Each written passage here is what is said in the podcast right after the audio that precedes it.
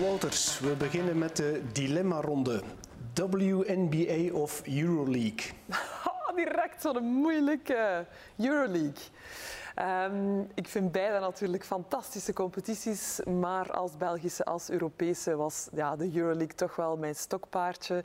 Heel graag ingespeeld en um, toch wel ook een hele, hele mooie competitie. Speelster van het jaar of kampioen? Kampioen uiteraard. Uh, als basketbalspeler gaat het team altijd voor en doen we ook alles om uh, het team te doen winnen. En dat is toch wel uh, zeker en vast het allerbelangrijkste. Willy Steveniers of Rick Samay? Rick Samay. Niet omdat hij hier zit, maar omdat hij natuurlijk ook meer mijn positie speelde. En uh, ja, omdat ik hem toch ook wel um, als jong meisje heb zien spelen en um, ook wel echt uh, naar opgekeken heb. Dankjewel, Anne Wouters. Ik ben Anne Wouters, kapitein van de Belgian Cats.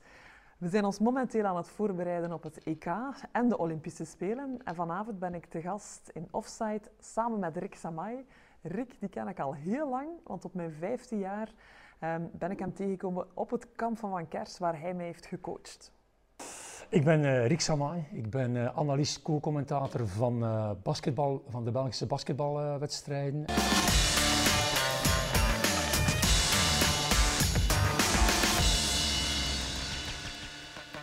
Dag iedereen, welkom in de offside bar van Sportline in Roeselare.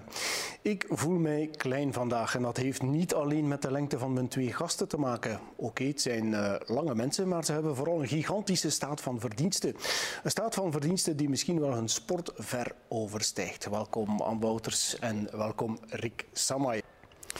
Ja Rick, heb jij een blauw-zwart supportershart? Oh, ik ben...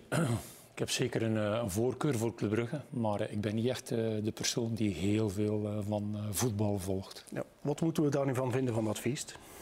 Ja goed, ik denk sport en emoties. En ik denk ook wel wat alcohol erbij. Dan kom je natuurlijk heel snel dat de regels vergeten worden. En dan kom je zo'n situaties tegen. Voor mij, als je het mij aan mij vraagt, betreurenswaardig. Anne, je hebt corona gehad, ja. dan heb je daar niet veel begrip voor, denk ik. Nee, toch niet. Hoewel Rick natuurlijk zegt, hè, kampioenenviering, we zitten allemaal al meer dan een jaar een beetje opgesloten.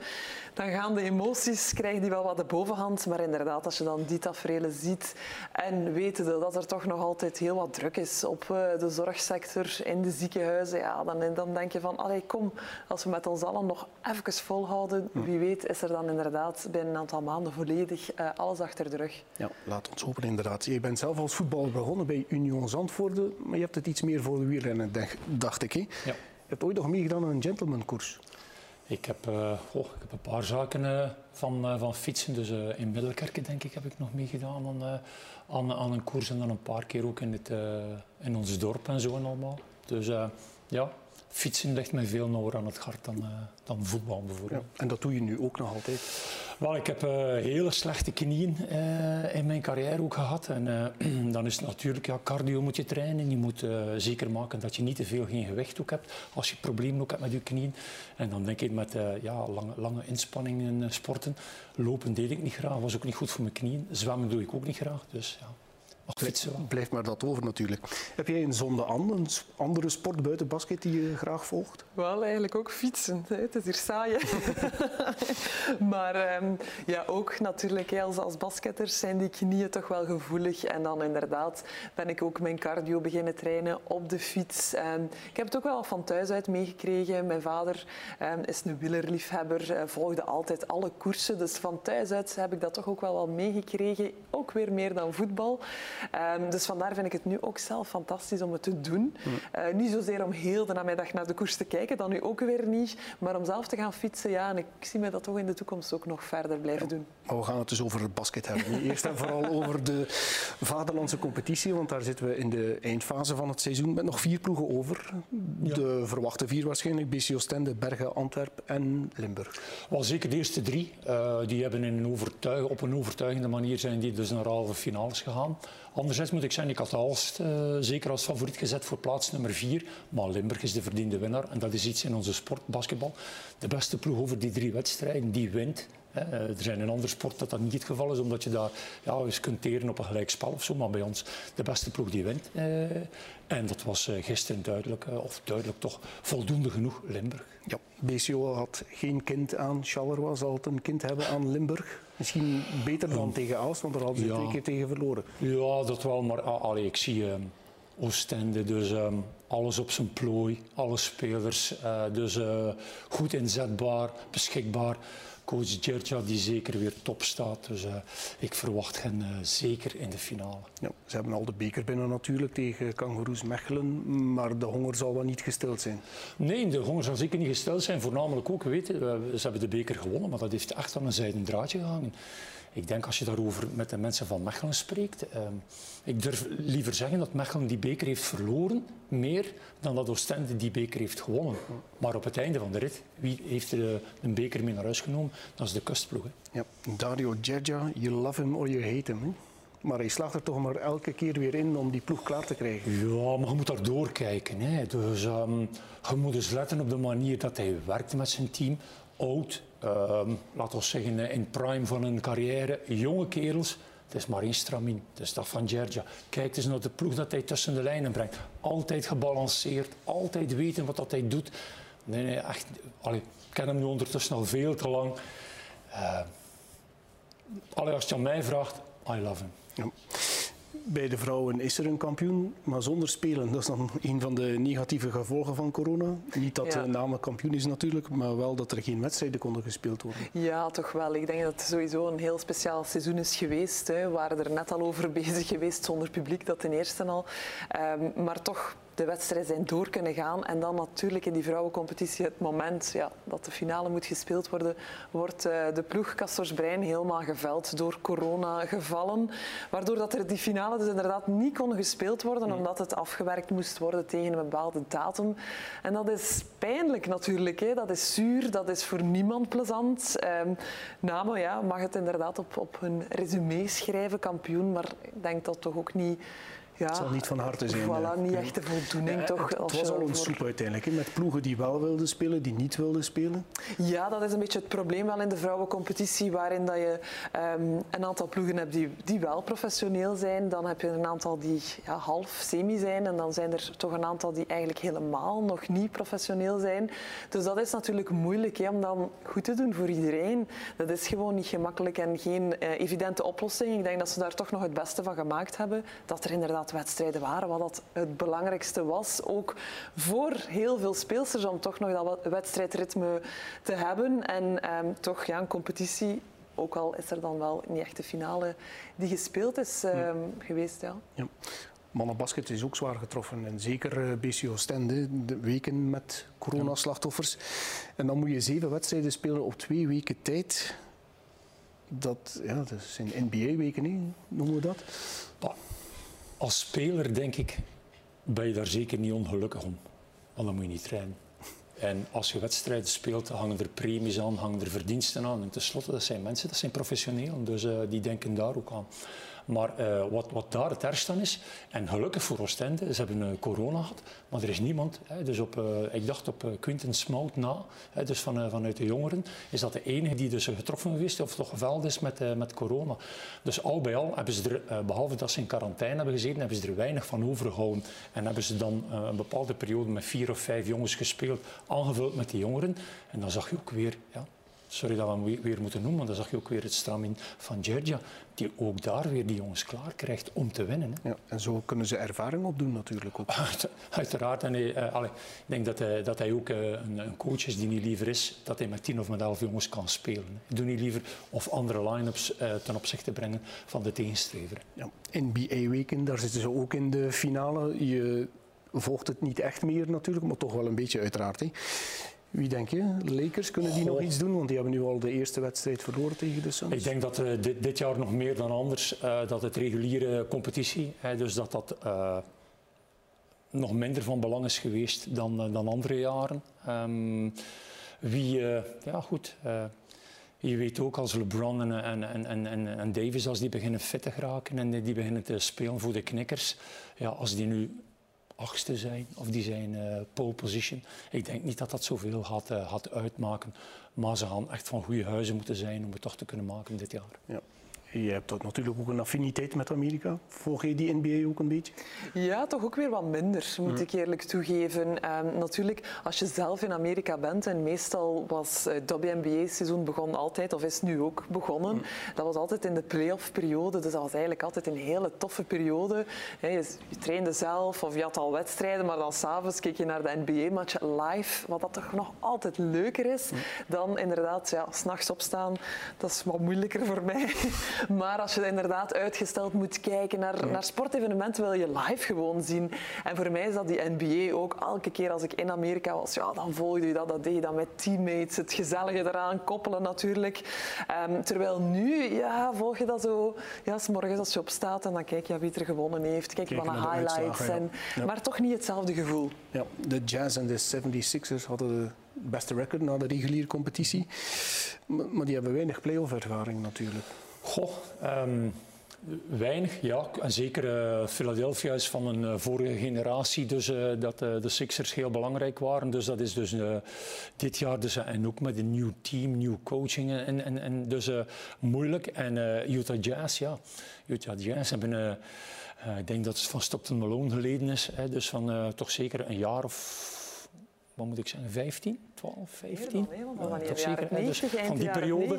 dat ze dus, uh, maar uh, volgens mij wel met, met, met een goede uh, basis. Vertrekken van een hele goede defense en met een zeer goede coach. Ja. Dus dat, dat, zijn zeker heel belangrijke elementen als je play-offs in die finales komt. Ja. Maar we wijken af natuurlijk. Hè. We gaan het over de vaderlandse competitie hebben. Het competitieformat waarin ze hoeveel keer tegen elkaar spelen, dat, dat is toch ook niet uh, je nee. dat. Hè. Kan een Beneliga daar Goh. verbetering in brengen? Ik denk, uh, ik ben iemand die, die heel graag uh, open staat voor nieuwe zaken. En uh, na een drietal jaar denk ik gaan we kunnen de juiste resume maken van, um, van of de Benelux, dus of B-Next, uh, moeten het juist zeggen. Dus B-Next Liga, als die dus een verbetering gaat zijn. Het enige wat ik wel kan zeggen is tien ploegen, een format van tien ploegen. Dat is. En dan zeker vijf, vijf. En dan nog eens met acht jongens, of met acht ploegen nog een keer in de, in de, in de finals komen. Uh, ik herinner me van, vanuit de periode dat ik speelde, uh, ja, topper Mechelen nog Stende, dat gebeurde niet te veel en daar keek je naar uit. Mm. En nu, ja, bij manier van spreken, uh, ik denk dat we Oostende Antwerpen hoeveel, vijf keer in de maand januari hebben gehad. Ja. Dan ben je een beetje, dan, dan, dan, dan bot dat af. Hè. Mm, dat is zo.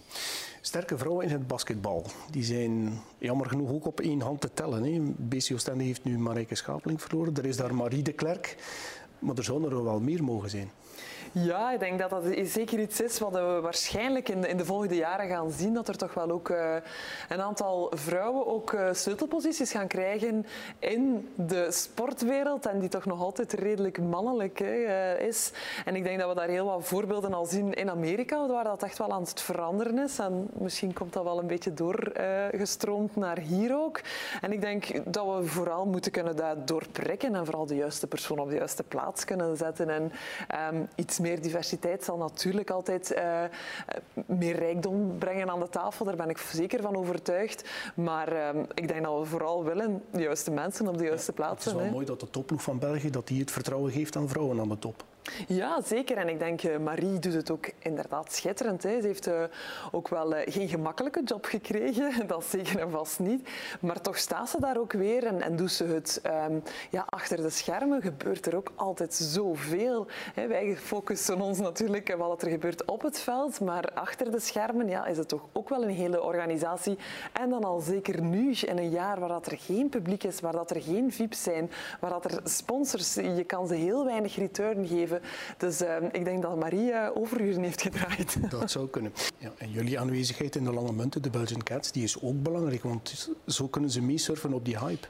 Zeker, en, en, wij maken daar ook heel graag gebruik van, want het is natuurlijk een club met heel veel um, vrijwilligers die, die die taken echt wel ter harte nemen. Elke keer als wij daar wedstrijden gespeeld hebben, of het nu oefenwedstrijden waren, officiële wedstrijden met de Belgian Cats, wij voelen ons daar zo thuis, wij voelen ons daar zo welkom.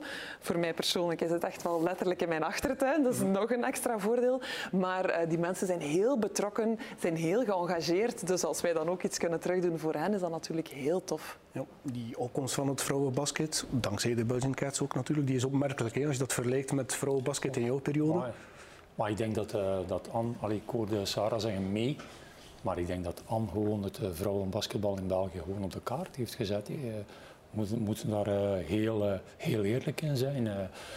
Vanaf het moment dat zij dus dominant werd, dat was heel vroeg in haar carrière, heeft iedereen, en dat is zo, mee. Ah, oké, okay, voilà. En dan meegaan en dan is het altijd maar beter en beter en beter geworden. We moeten eerlijk zijn, en ik wil daarmee zeker geen afbreuk doen van het damesbasketbal, maar de concurrentie, zeker op Europees vlak al, dus van de Europese landen ten opzichte van het mannenbasket, daar zit wel degelijk een verschil in. Maar dat uh, opzij gezegd is wel uh, dus nummer 6 zijn op de wereld momenteel. Dus we hadden natuurlijk ook niet geweten dat Emma haar ging opvolgen. Hè. En uh, ik hoorde daar een vraag van, is Anne de beste of is Emma de beste? Voor mij is dat geen belangrijke vraag. Uh, we gaan dan misschien een keer zeggen als Emma uh, de carrière heeft gemaakt dat Anne nog aan bezig is. Dan gaan we misschien een keer later zeggen van wie was nu eigenlijk de beste. En dan mogen zij het zelf uitmaken. Ja, maar hoe dan ook, de Cats, dat is een succesproduct. Oh. Derde op het EK, 17, ja. vierde op het WK. Maar ik denk, ik denk dat wij dan, de mannen, daar ook van profiteren. Mm. Van uh, dus, uh, de, de bekendheid, de betrokkenheid. Je moet ook rekenen, speelster van het jaar. Al jaren is daar een basketbal. Is dat vertegenwoordigd? Mm. Zij, jammer genoeg niet kunnen winnen. Maar nu Emma ook. Hè, dus al jaren wordt onze sport daar vertegenwoordigd. Hè. Ja, ze zijn op zo'n niveau gekomen. Ze waren pas vijfde op het pas excuseer, op het EK. En daar zijn we dan teleurgesteld over. Zo, ver, zo ver, is het gekomen eigenlijk. Dat is goed. Ja. Dat wil zeggen dat je, dat je dus uh, hoger wil en moet mekken. En uh, dat, is, dat is goed. Uh, we moeten blijven zeggen van vijfde plaats. Dat is een goed resultaat. Maar ik denk dat zij meer en beter verhoopt dan. Want jullie zijn sportieve rolmodellen, maar ook op andere vlakken. Uh, in Oostende hebben jullie zwerfvuil verzameld, tweedehands kledij verzameld. Ja. Jullie een, be een belangrijke taak uiteindelijk. Toch wel, en ik denk, eh, je haalde Emma daar aan. En um, zij heeft vorige zomer in die WNBA gespeeld toen heel de ja, Black Lives Matter toch wel heel... Um, ja, fel daar, daar mee um, een, een, deel zelfs van uitmaakte. Ook de NBA staat daar echt wel voor, um, voor klaar om, om die social injustice aan te kaarten, om niet enkel um, gewoon vocaal aan de alarmbel te trekken, maar ook wel echt concrete acties uh, op poten te willen zetten en te eisen ergens. Dus um, ik denk dat Emma daar ook wel wat ideeën heeft opgedaan en die wij nu ook hier zien. Dus ik vind dat heel tof um, dat zij ook dat initiatief uh, ja, op zich neemt en daar ergens ook wel wat een leidersrol in neemt. En ergens ben ik misschien nog wel opgegroeid in een deel waar sporters moesten maar sporters zijn hè, en niet te veel over andere dingen praten. Maar ergens heb ik dat nu ook wel begrepen van oké, we hebben allemaal ons platform ergens waar dat we ook wel onze eigen mening in, in, kunnen, kwijt kunnen. En we zijn ook meer dan enkel en alleen maar die basketbalspelers. Dus ergens als we ons ja, voor iets willen inzetten, denk ik dat dat ook wel echt kan. Ik heb dat ook heel snel geleerd in mijn carrière in Amerika. Daar zetten we ons al heel vroeg in om bijvoorbeeld naar um, scholen te gaan. Dat was dan een campagne, WNBA Reads. Wel, we moesten een boek gaan voorlezen in scholen. En zo zijn kleine dingen die wij eigenlijk in Europa toch ook nog iets meer kunnen gebruiken om bijvoorbeeld eh, onze voetballers ook te kunnen gebruiken als rolmodellen, basketters kunnen gebruiken. En ik denk dat we dat allemaal nodig hebben om toch wel ja, in onze maatschappij ook ergens um, ja, een, ja, een voorbeeldsrol te kunnen zijn en vooral de jeugd te kunnen meetrekken. Ja. Het laatste sportieve hoogtepunt was het uh, Olympisch kwalificatietoernooi in Oostende. Ben je daar geweest? Tuurlijk, uiteraard. Fantastische sfeer daar ook. Ik vind het wel normaal. Um, hoeveel keer gaan we de mogelijkheid hebben uh, om op 20 kilometer van uw deur um, de Belgium Cats te kunnen zien spelen. Het was, uh, het was fantastisch. 5000 enthousiaste mensen achter die ploeg. Um, je ziet ook dat het een band is die heel aan elkaar hangt. Um, dat is heel belangrijk als het even minder goed gaat. Hè, want uh, als het minder goed gaat, worden er harde dingen. Want je hebt geen tijd in, in een wedstrijd. Uh, gezegd tegen elkaar. En als je goed aan elkaar dan kunnen dat uh, best wel verwerken. Hm. En ik denk dat dat een van de grootste troeven is dat ze gaan kunnen gebruiken nu een TK die komt en de Olympische Spelen. Ja. Maar toen kwam corona, alles on hold, alleen nog trainen. Je hebt uh, in de Lange Munten uren en dagen gesleten met uh, Chiara Linskes, die aan ja. het revalideren was. Ja. Ja, dat was een, ja, voor iedereen. Een, een verschrikkelijke domper natuurlijk. En we zaten in de euforie achter de kwalificatietoernooi in Oostende. We zaten echt wel on a high. En dan um, gebeurt ja, die corona. Wij wisten er ook allemaal nog niks of weinig van. Ik weet de allereerste reactie, we waren zo kwaad. Ik was heel kwaad, ik was ontgoocheld. Ik snapte dan niet dat ze dat op dat moment al beslisten om die Olympische Spelen uit te stellen.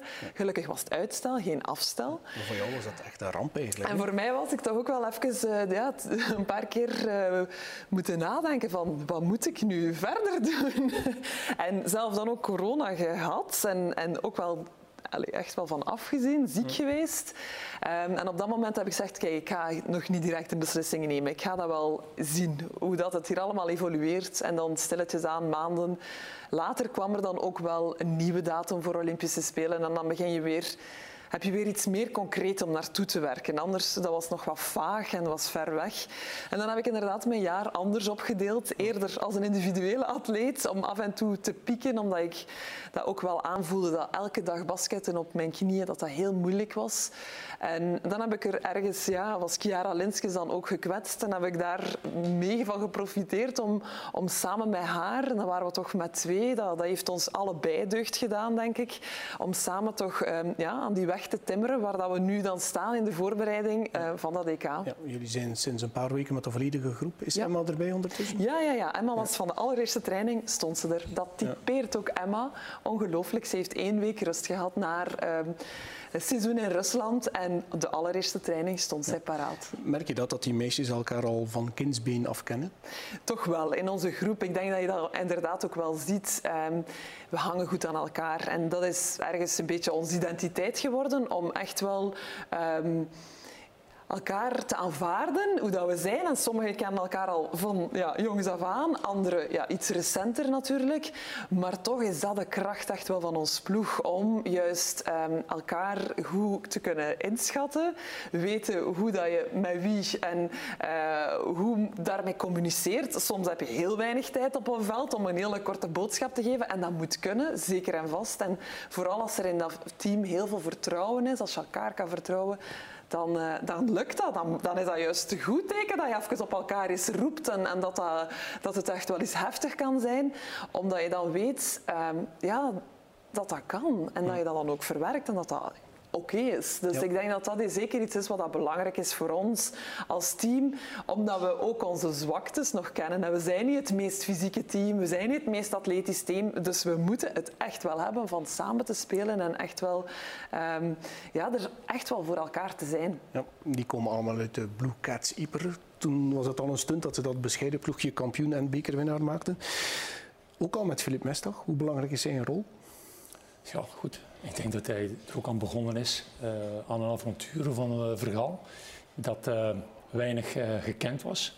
En totdat, er, totdat je opeens dus, met, die, met, met, met die dames bereiken resultaat na resultaat na resultaat. En, ik denk dat zij gaan moeten op de toppen van hun tenen spelen. En Philip samen met Pierre, hè, waar ik jaren mee samen heb gespeeld, die gaan ook op de toppen van hun tenen moeten coachen. Hè. En dat wil zeggen, als je in zo'n Europees kampioenschap en een Olympische Spelen ga je waarschijnlijk heel veel prangende en spannende wedstrijden hebben. Dus ik denk uh, dat zeker zaak gaat zijn van last place, die heel belangrijk gaan zijn. Met wie ga ik uh, mijn line-ups gaan doen? Allee, ik ben hier niet aan het coachen, mm. maar uh, ik bedoel maar, um, dat zijn zeker zaken die dames zeker mentaal klaar krijgen. Want Anne heeft net aangehaald, ze gaan hard en fysisch spelen tegen, tegen, tegen onze ploegen. Mm. Maar ze zijn slim, en ze zijn heel doeltreffend van achter die driepuntlijn. Dus ze gaan zeker spread koord gaan doen. Waardoor dat zij ook wel de beste oplossingen gaan zoeken om resultaat te halen. Ja. Je hebt in de tijd afgesloten bij Damme. Hoe oud was je toen?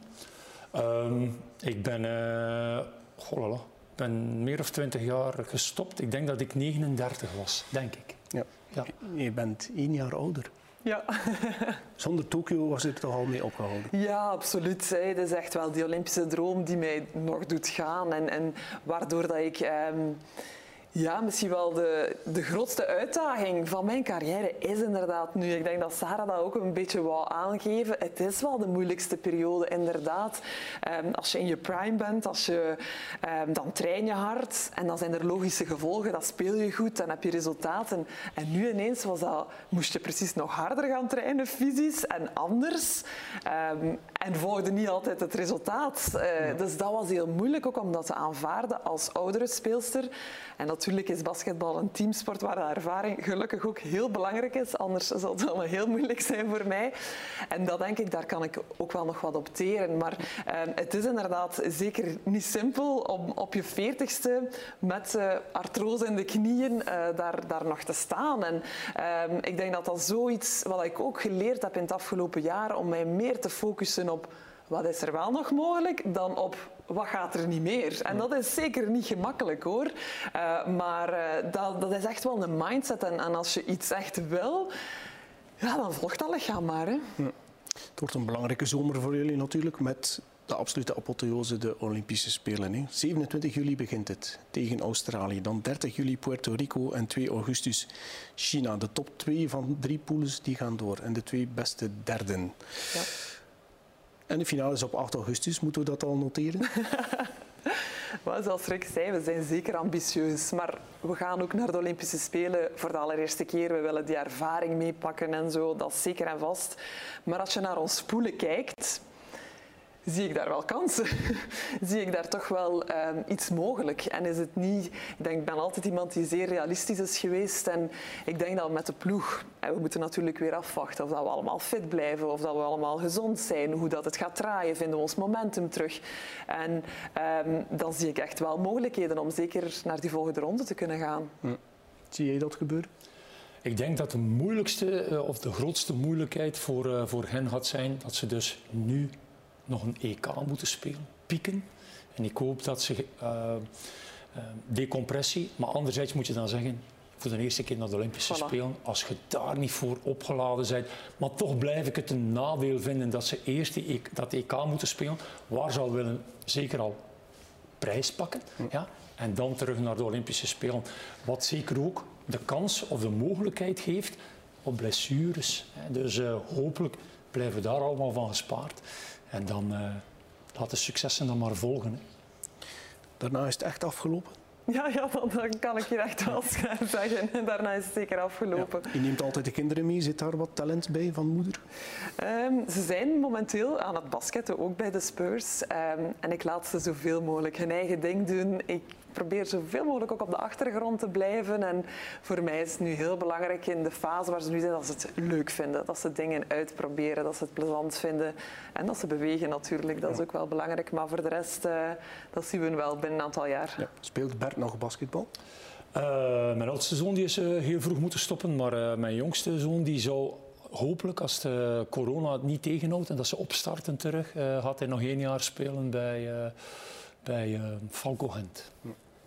Je bent uh, analist natuurlijk nog altijd voor de vaderlandse competitie. Hoor Daarnaast... je, Hoor je dat niet? Ik dacht al, die mensen kent er veel van. uh, je bent ook chef administratie en logistiek bij Dumaplas nog ja. altijd. Ja. Maar trainer dat... Uh... Goh, nee. Ik heb... Uh, na mijn actieve carrière als speler heb ik, heb ik mijn eigen afgevraagd van... wat zou ik graag doen in, de, in, in, in het basketbal? En ik wou enkel maar in het basketbal dingen doen dat ik graag deed. Ik heb ongelooflijk graag gespeeld. En uh, qua trainer vond ik daar niet echt mijn dingen. Uh, pff, ik deed dat niet. Ik kon dingen nog. Ik kon... is ook een betere analist dan een trainer, denk ik. Dan. Ja, waarschijnlijk, waarschijnlijk wel. Ik weet het niet. Maar ik, ik, ik, er waren dingen dat ik zei van trainer worden. Nee, er zijn veel dingen dat ik liever ga doen dan dat. En dan manager worden van een ploeg, dat zag ik ook niet zitten. Ik uh, ben nogal rechtlijnig. En dan. Ja, denk ik, in, via Erik Hoens ben ik in het uh, analist uh, worden. Zei Rick, dat, oh, jij gaat dat wel kunnen, dat gaat wel lukken met jou. En uh, ben ik erin gerold en ik denk 25 jaar later doe ik het nog Doet hij het nog altijd. Zwart gat zullen jullie ook wel niet kennen zeker? Ben je nog motivatiecoach Um, wel, op dit moment, in, in dit bizarre jaar, heb ik mij eigenlijk eerder wat gefocust op um, digitale keynotes te geven voor bedrijven, waar dat ik inderdaad ook veel vertel over de Belgian Cats, over teamwork natuurlijk, omdat dat um, ja, toch wel een thema is dat in elk bedrijf voorkomt. Iedereen moet wel eens in team werken. En natuurlijk ook gekoppeld aan veerkracht. Veerkracht is iets, uh, het hippe woord van het afgelopen jaar. Maar sowieso in de sport zit dat gewoon ingebakken. Um, je leert van jongs af aan omgaan met tegenslag, met verlies. En hoe doe je dat als sporter? Wel, je kan dat eigenlijk ook wel vertalen um, in het bedrijfsleven. Dus daar heb ik mij een beetje ook uh, uh, wat ervaringen in opgedaan. En, en ik moet zeggen, ik vind dat ook heel leuk. Uh, ik, ik, vind daar ook wel wat passie in om inderdaad ervaringen te delen met mensen. Mensen horen dat eigenlijk ook wel graag, die sportverhalen. En hoe dat er dan effectief ook wel linken zijn en parallellen met die bedrijfswereld. Maar de toekomst, uh, ja, weet ik ook nog niet zo heel precies uh, wat er allemaal ja. op mijn pad gaat komen. Wat we wel weten is dat er een docu-soap komt van ja. ex-collega Leender Derk. Ja. Ja, daar zijn we al een tijdje mee bezig, al twee jaar denk ik of zo. Um, dat is natuurlijk heel fijn. En, de bedoeling was inderdaad om de laatste maanden van mijn carrière wat in beeld te brengen. Ik vond trouwens een hele toffe samenwerking met, uh, met Leendert, die ook wel wat basketbal um, verleden heeft. Maar um, ja, het blijft toch speciaal. Ook die laatste, het zijn dan jaren geworden zijn inderdaad moeilijk geweest, maar waar dat ik ook heel veel uit geleerd heb. En waar dat ik eigenlijk ook heel veel dingen wil meegeven. Bijvoorbeeld aan mijn kinderen, die ik daar heel nauw in betrek. En dat vind ik wel heel mooi. En ja, ik denk sowieso gaat het tof zijn om, om die beelden te hebben voor later. En hopelijk ja, wordt het wel... Maar ik heb alle vertrouwen dat het een leuke documentaire wordt. Dat zal wel in orde zijn. Ik wil afsluiten met een dilemma. Met een dilemma. Wie heeft het mooiste palmares? 12 titels, 10 bekers, 10 keer speler van het jaar. Vijf keer Europees speelster van het jaar, tien kampioenschappen over de hele wereld, zeven bekers en nog een stuk of wat Europa-bekers. Dat is geen vraag. Oké. Okay. Nou, Proficiat aan. Ja, ik weet niet. Ik denk dat Rick ook een ongelooflijke carrière heeft gehad. Maar ja, het buitenland is er nooit van gekomen. Was dat een optie, Rick? Dat ja, is eigenlijk de dat vraag. Was zeker, dat was zeker een optie. Uh, er zijn verschillende aanbiedingen geweest, maar uh, op dat moment was het totaal, dus basketbal werd toen gespeeld met twee buitenlanders. Ja, je moest van de States, moest van de States komen, van een hele goede university of vanuit de profs, om in het buitenland ge, gegarandeerde contracten te krijgen. De opties dat, of de mogelijkheden dat ik kreeg waren dus kutcontracts. Dus uh, geen garanties. En, uh, het is niet zo dat je dan zomaar kon veranderen van team. Er waren heel veel andere uh, regels. Dus en, maar goed, Zeer moeilijk hè, om te vergelijken. Dus, de United States of West-Vlaanders waren niet goed genoeg jammer genoeg. Maar Oost-West thuis best, zeg ik dan. Mag ik jullie bedanken voor jullie komst naar Offside. Heel veel succes aan, in, op het EK in, in Tokio. Je ook Rick met je wandplaten uiteraard. En met je analyses waar we altijd graag naar luisteren. Graag tot volgende week. Graag tot Offside. Het was een hele toffe avond. Tof om, om zo uh, Pinkstermaandag uh, door te brengen. Ik zou zeggen, kijk er allemaal naar, luister er naar. We hebben heel veel over basket gepraat natuurlijk, maar toch ook hier en daar over wat andere dingen. Een heel uh, ruim en leuk gesprek, waarbij dat, de Belgium Cats zeker de erkenning en veel ruimte hebben gekregen die ze verdienen.